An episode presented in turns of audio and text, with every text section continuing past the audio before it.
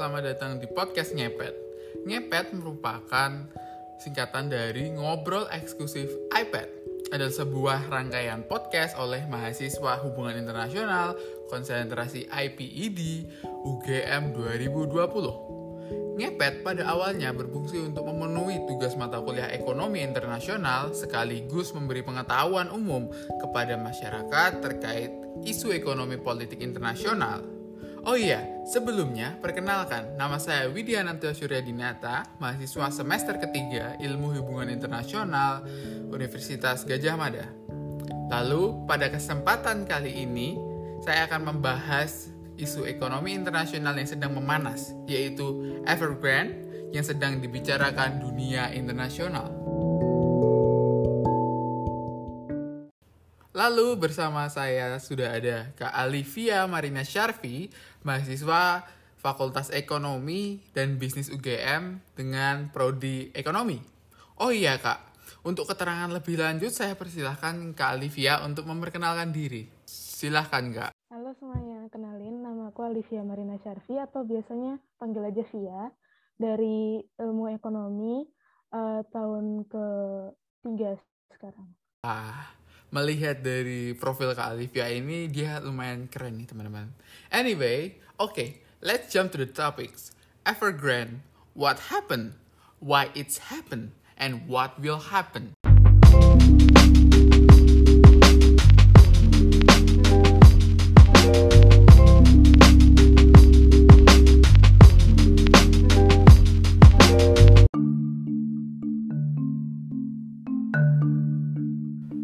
Sebelum itu, Evergrande merupakan salah satu perusahaan developer properti yang memiliki ratusan proyek yang sedang dalam pembangunan. Namun, pada faktanya, Evergrande memiliki banyak persoalan finansial, seperti jatuh tempo hutang yang semakin mendekat, dan nominal utang yang sangat besar, serta utang yang gagal bayar. Hal ini mengingatkan banyak pihak pada peristiwa bangkrutnya Lehman Brothers yang berimplikasi pada krisis finansial dunia. Oke, pertanyaan pertama, bagaimana sih pendapat Kak Via mengenai permasalahan Evergrande sebagai seorang ahli ekonomi yang sudah pastinya memantau dari kinerja maupun makroekonomi Evergrande? Kalau dari segi pandang ekonomi nih, kalau Evergrande ini kan uh, dia barusan gagal bayar interest payment nih, padahal interest paymentnya itu 200 juta dolar untuk uh, perusahaan sebesar Evergreen yang sangat berperan dalam sektor properti dan konstruksi yang di Cina itu benar-benar shock banget nih eh, investor-investor yang ada di global market dan juga investor-investor yang ada di Cina sendiri. Uh, terus apa namanya karena perusahaan Evergreen ini salah satu perusahaan Cina yang utangnya banyak banget dari US dollar nih. Kalau karena uh, debt-nya dia, utangnya dia banyak dari US dollar, dan baru-baru ini nih the Fed di US itu melakukan tapering, berarti kan Evergreen uh, khawatir nih kalau misalnya uh, udah nggak dapat financing lagi nanti di depannya dari the Fed karena eh, USA-nya sudah nggak mau ngasih finance ke Evergreen karena taperingnya sendiri itu.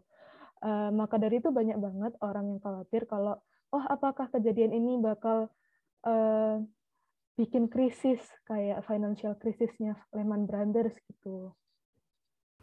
Wah, seperti itu ya, Kak. Hmm, tadi Kakak kan sempat mention nih uh, tapering Sebenarnya apa sih Kak tapering itu dan kenapa kok ini bisa signifikan banget dalam menyikapi kasus Evergrande ini? Tapering itu uh, kayak monetary policy yang uh, policy moneter yang nggak konvensional, yang non konvensional, biasanya buat hmm, biar negaranya tuh kan USA lagi pandemi kan ya, uh, taperingnya mereka lakuin setelah pandeminya kayak udah mulai melandai gitu. Nah, waktu mereka pandemi yang benar-benar peak-nya, waktu di Amerika, kan banyak banget kan kemarin beribu-ribuan per hari, uh, itu mereka kayak ngelakuin beli large asset scale purchase gitu ke banyak negara gitu kan. Uh, tapi karena udah mulai baik, baik gitu, udah mulai melandai pandeminya, akhirnya mereka tarik balik nih large uh, asset scale purchase-nya. Uh, makanya itu yang disebut namanya tapering gitu. Mereka menarik aset-aset mereka balik gitu, biar uh, demand currency mereka uh, naik uh, dan biar nggak depreciate lagi. Oh, begitu kak. Saya paham kak. Nah, berarti secara simpel, tapering ini merupakan usaha yang bertujuan untuk menjaga likuiditas dari mata uang itu sendiri. Hmm, oh iya, aku mau tanya lagi nih kak. Seperti yang diketahui, bahwa sistem politik dan pemerintahan Tiongkok ini cukup unik. Dan saya kemarin mendapatkan fakta bahwa pemerintah Tiongkok ikut dalam pemberian dana bagi Evergrande untuk melancarkan aktivitas bisnisnya.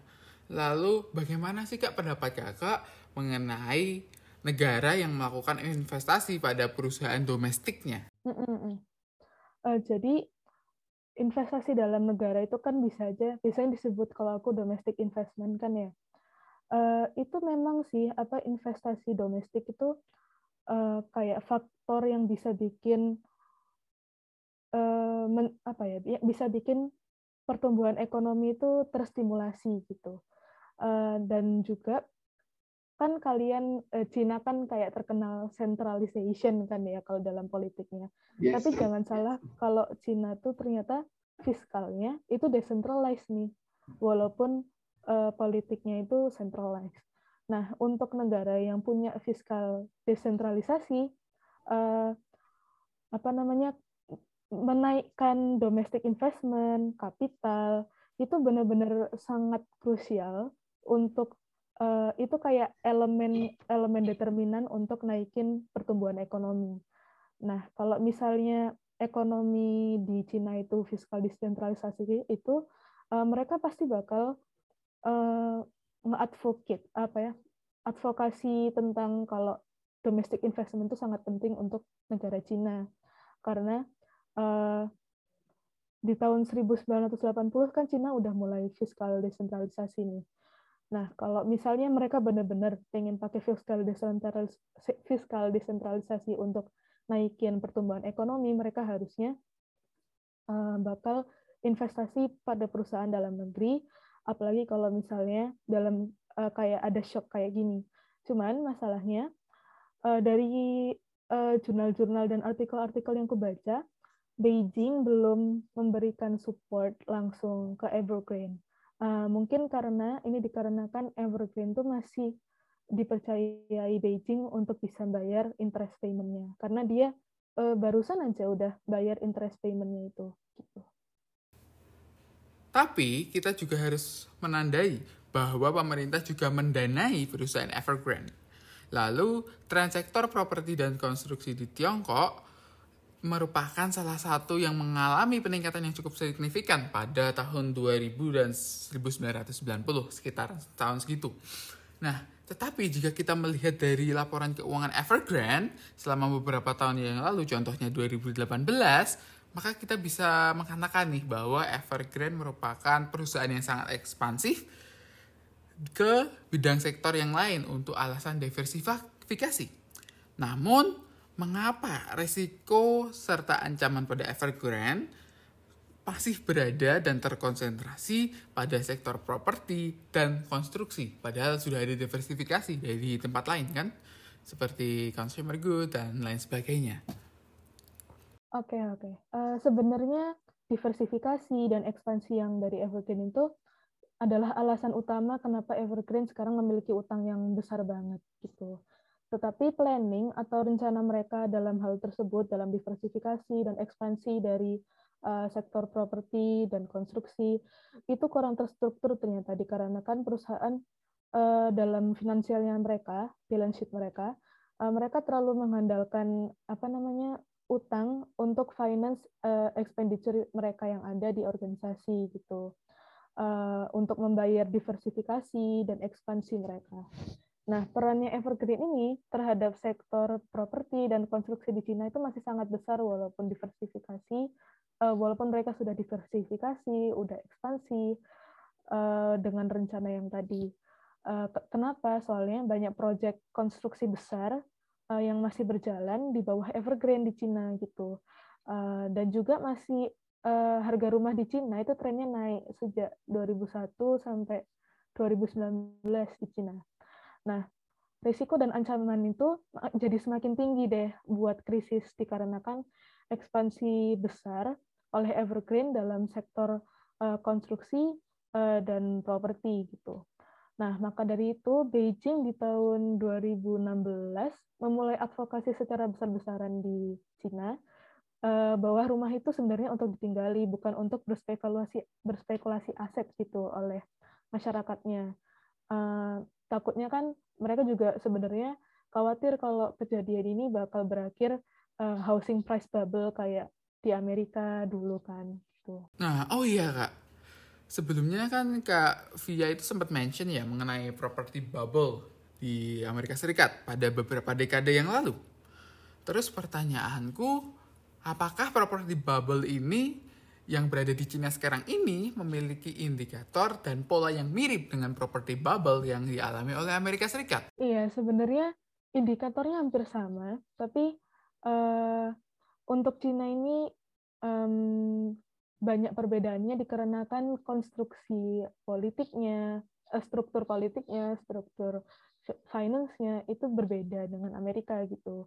Eh, dan mereka ternyata Cina juga udah lebih tahu lebih awal kalau ada shock eh, ini dan mereka sudah ngerespon lebih awal gitu daripada waktu kasusnya yang Amerika. Jadi kayaknya potensial krisisnya bakal jauh lebih kecil. Uh, I see, I see. Berarti hal ini dikarenakan pemerintah Cina ternyata telah lebih dahulu dalam melakukan dalam tanda petik ya intervensi secara tidak langsung bagi ekonomi domestiknya kan kak. Nah untuk pertanyaan selanjutnya itu um, terdapat banyak pihak nih kak kalau kita melihat berita ataupun statement yang menyebutkan bahwa kebangkrutan Evergrande akan tetap berdampak seperti keberangkrutan Lehman Brothers 2007-2008. Nah, menurut Kak Fia sendiri, apakah ancaman kebangkrutan Evergrande juga akan menyebabkan krisis finansial yang serupa? Jawabannya nih, ini interesting banget sih. Jawaban pendeknya adalah sebenarnya tidak, teman-teman. Kasus Evergreen ini mempunyai potensi yang kecil untuk menyebabkan krisis finansial.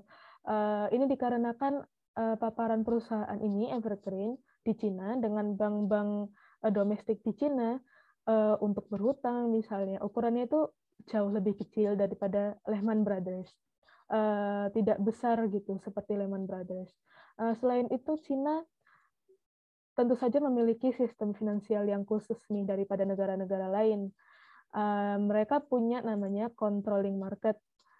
Jadi dengan mempunyai kewenangan tersebut, Cina itu dengan mudah dapat menyediakan seperti yang Hanan jelaskan apa likuiditas dan juga lender of last resort. Uh, jadi government uh, pemerintah Cina bisa ngasih likuiditas dan lender of last resort kepada Evergreen buat bantu-bantu project Evergreen yang sedang berjalan, konstruksi-konstruksi yang sedang berjalan. Uh, jadi dengan proses recovery Cina yang juga cepat setelah pandemi kemarin, uh, ini juga mengurangi dampak dari evergreen ini dengan signifikan gitu. Jadi kayak saling mengurangi potensi krisis finansial yang dari evergreen ini. Tetapi tentu saja ini tidak menutupi fakta bahwa pertumbuhan ekonomi Cina jadi terhambat karena kasusnya evergreen ini gitu. Uh, kenapa? Soalnya uh, karena dengan seluruh dunia nih tahu kalau ada krisis di evergreen udah gagal interest payment berjuta-juta dolar. Developer selain Evergreen, uh, properti sektor properti uh, perusahaan yang bekerja di sektor properti di Cina itu tidak akan dipercayai sebanyak seperti dulu lagi. Maka dari itu, uh, developer developer Cina sekarang kesusahan mendapatkan utang di global debt market nih, terutama di Amerika. Jadi ada shock di global debt market terhadap property groups yang ada di Cina.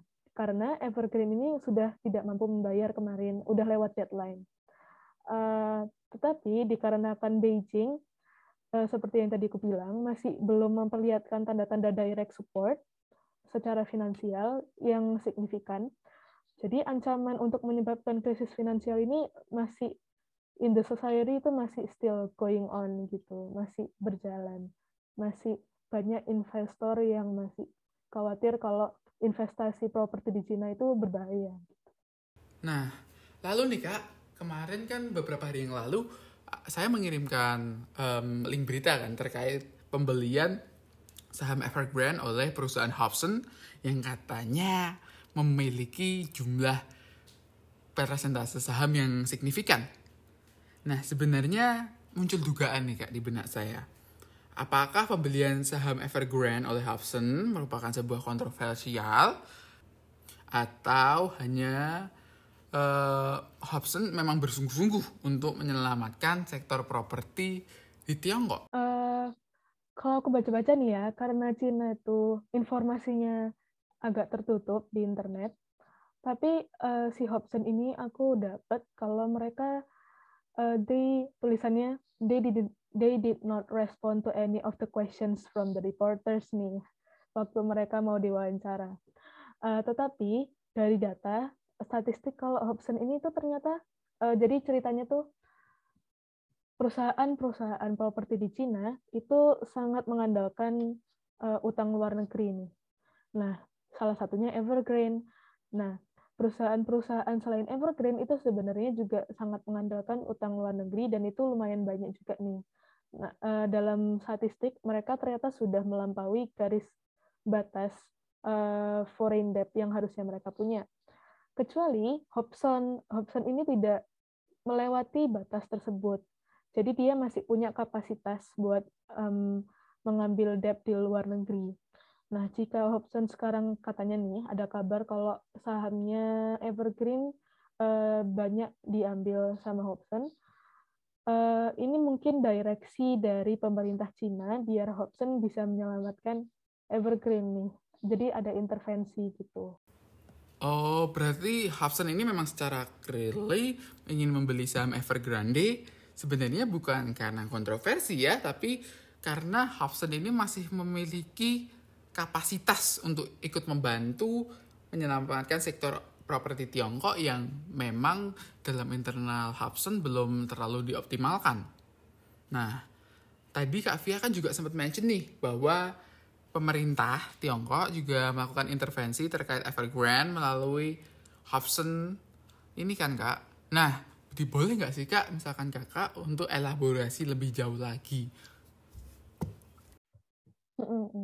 Uh, karena dari apa namanya dari berita-berita sekarang sebenarnya Beijing uh, Beijing maksudku central bank government di Cina uh, itu tidak um, tidak melaporkan support support um, apa pun uh, ke Evergrande banyak reporter banyak researcher banyak negara banyak investor yang juga bingung nih pemerintah Cina apa sih support dari pemerintah Cina kok Evergreen sudah mulai recovery nih, uh, kok bisa apa ini effort sendiri dari Evergreen atau ada intervensi dari government?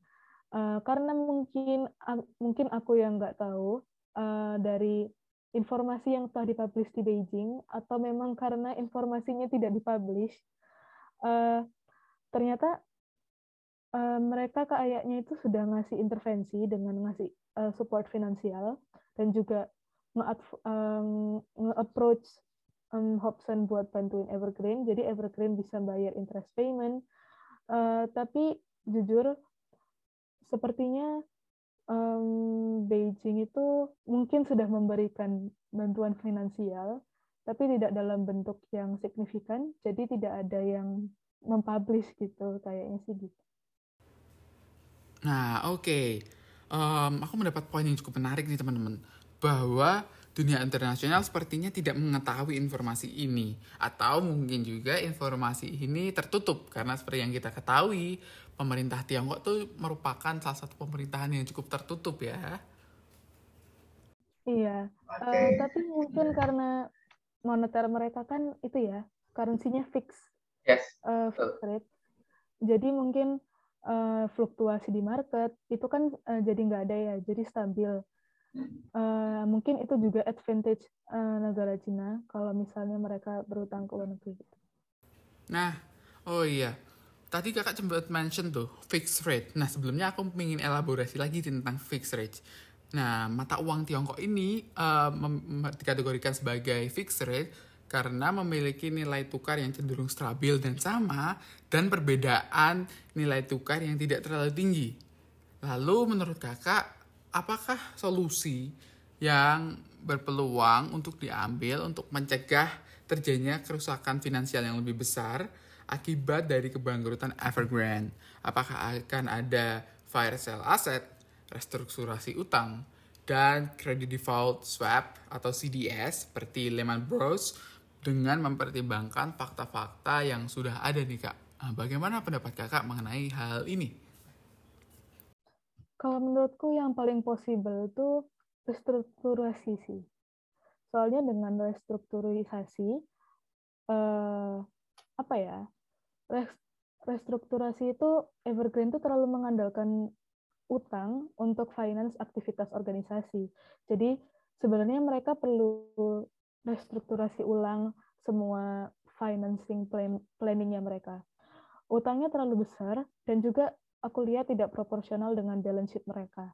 Jadi Evergreen perlu mengurangi utang mereka secara signifikan dan menyesuaikannya dengan kapasitas mereka, eh, bisa dari aset, bisa dari kapital.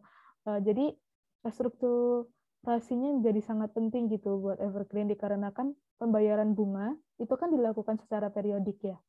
Nah, nanti akan terjadi krisis lain dong yang lebih besar di masa depan karena shock yang diakibatkan Evergreen jika tidak dapat membayar uh, interest payment selanjutnya nih. Uh, nah, it, selain itu Evergreen juga terlalu mengandalkan pembayaran pre-sales dari konsumen. Jadi pembayaran pre-sales uh, biasanya perusahaan properti dan konstruksi itu mereka kan bangun nih, bangun gedung, bangun apartemen misalnya. Terus uh, belum jadi apartemennya, tapi kan sudah ada desain arsiteknya nih. Nah, nanti setiap room apartemen yang ada bakal dimarketkan uh, di Cina gitu.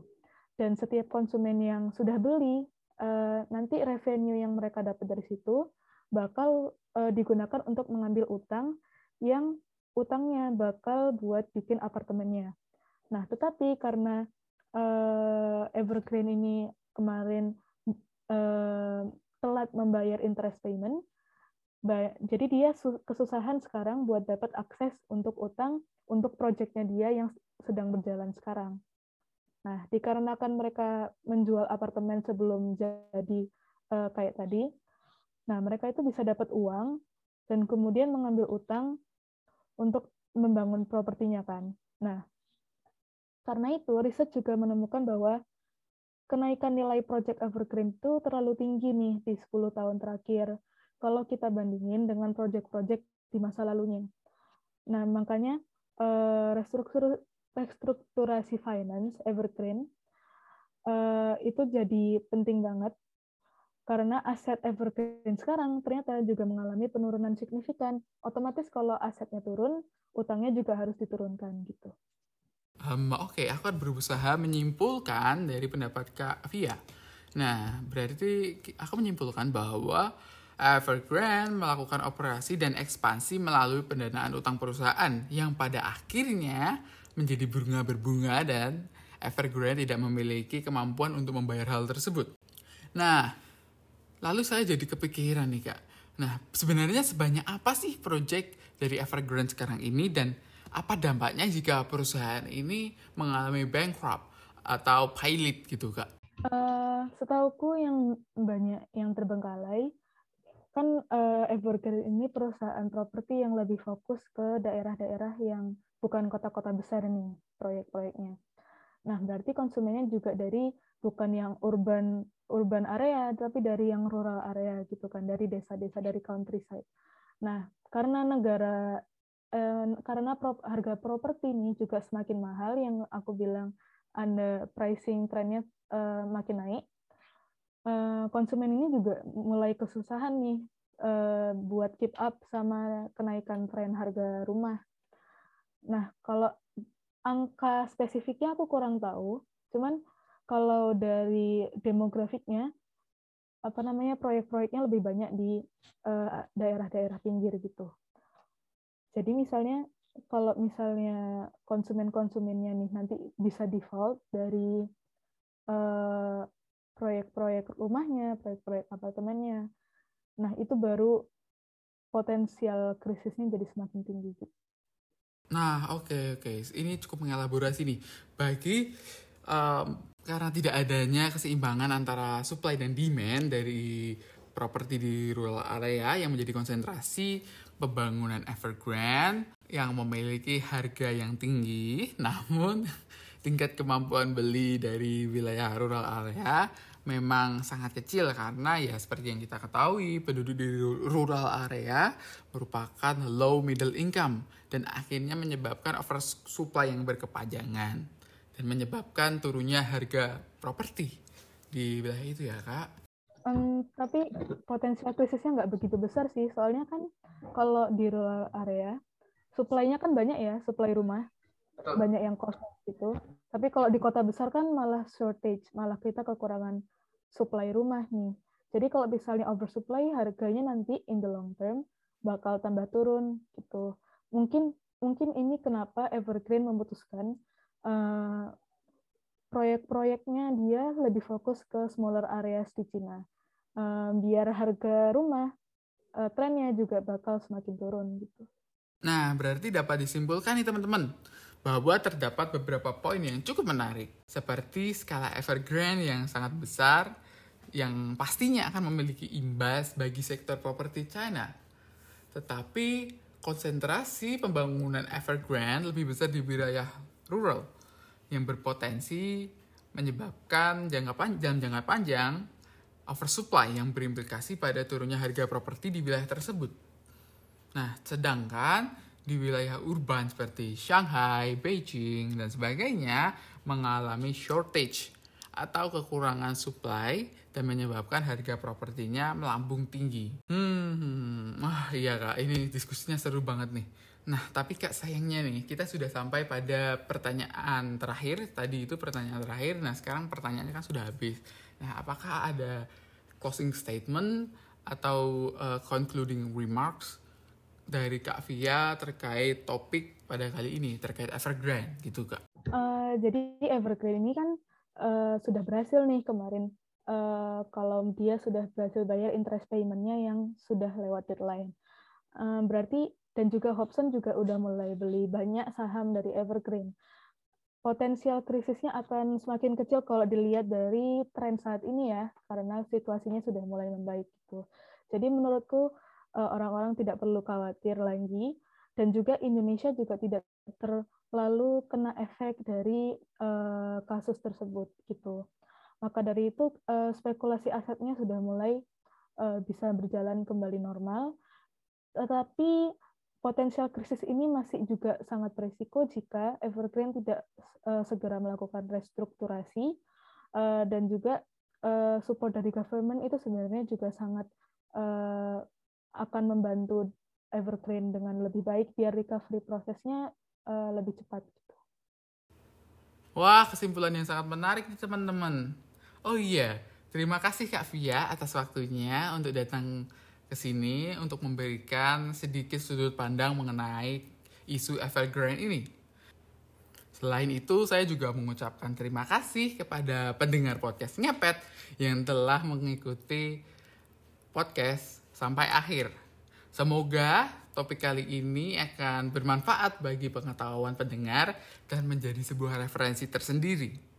Terima kasih telah mendengarkan podcast Ngepet. Saya Widyananto Suryadinata dan Alivia Marina Syarfi mengucapkan undur diri dan selamat menyaksikan podcast yang lain. Terima kasih.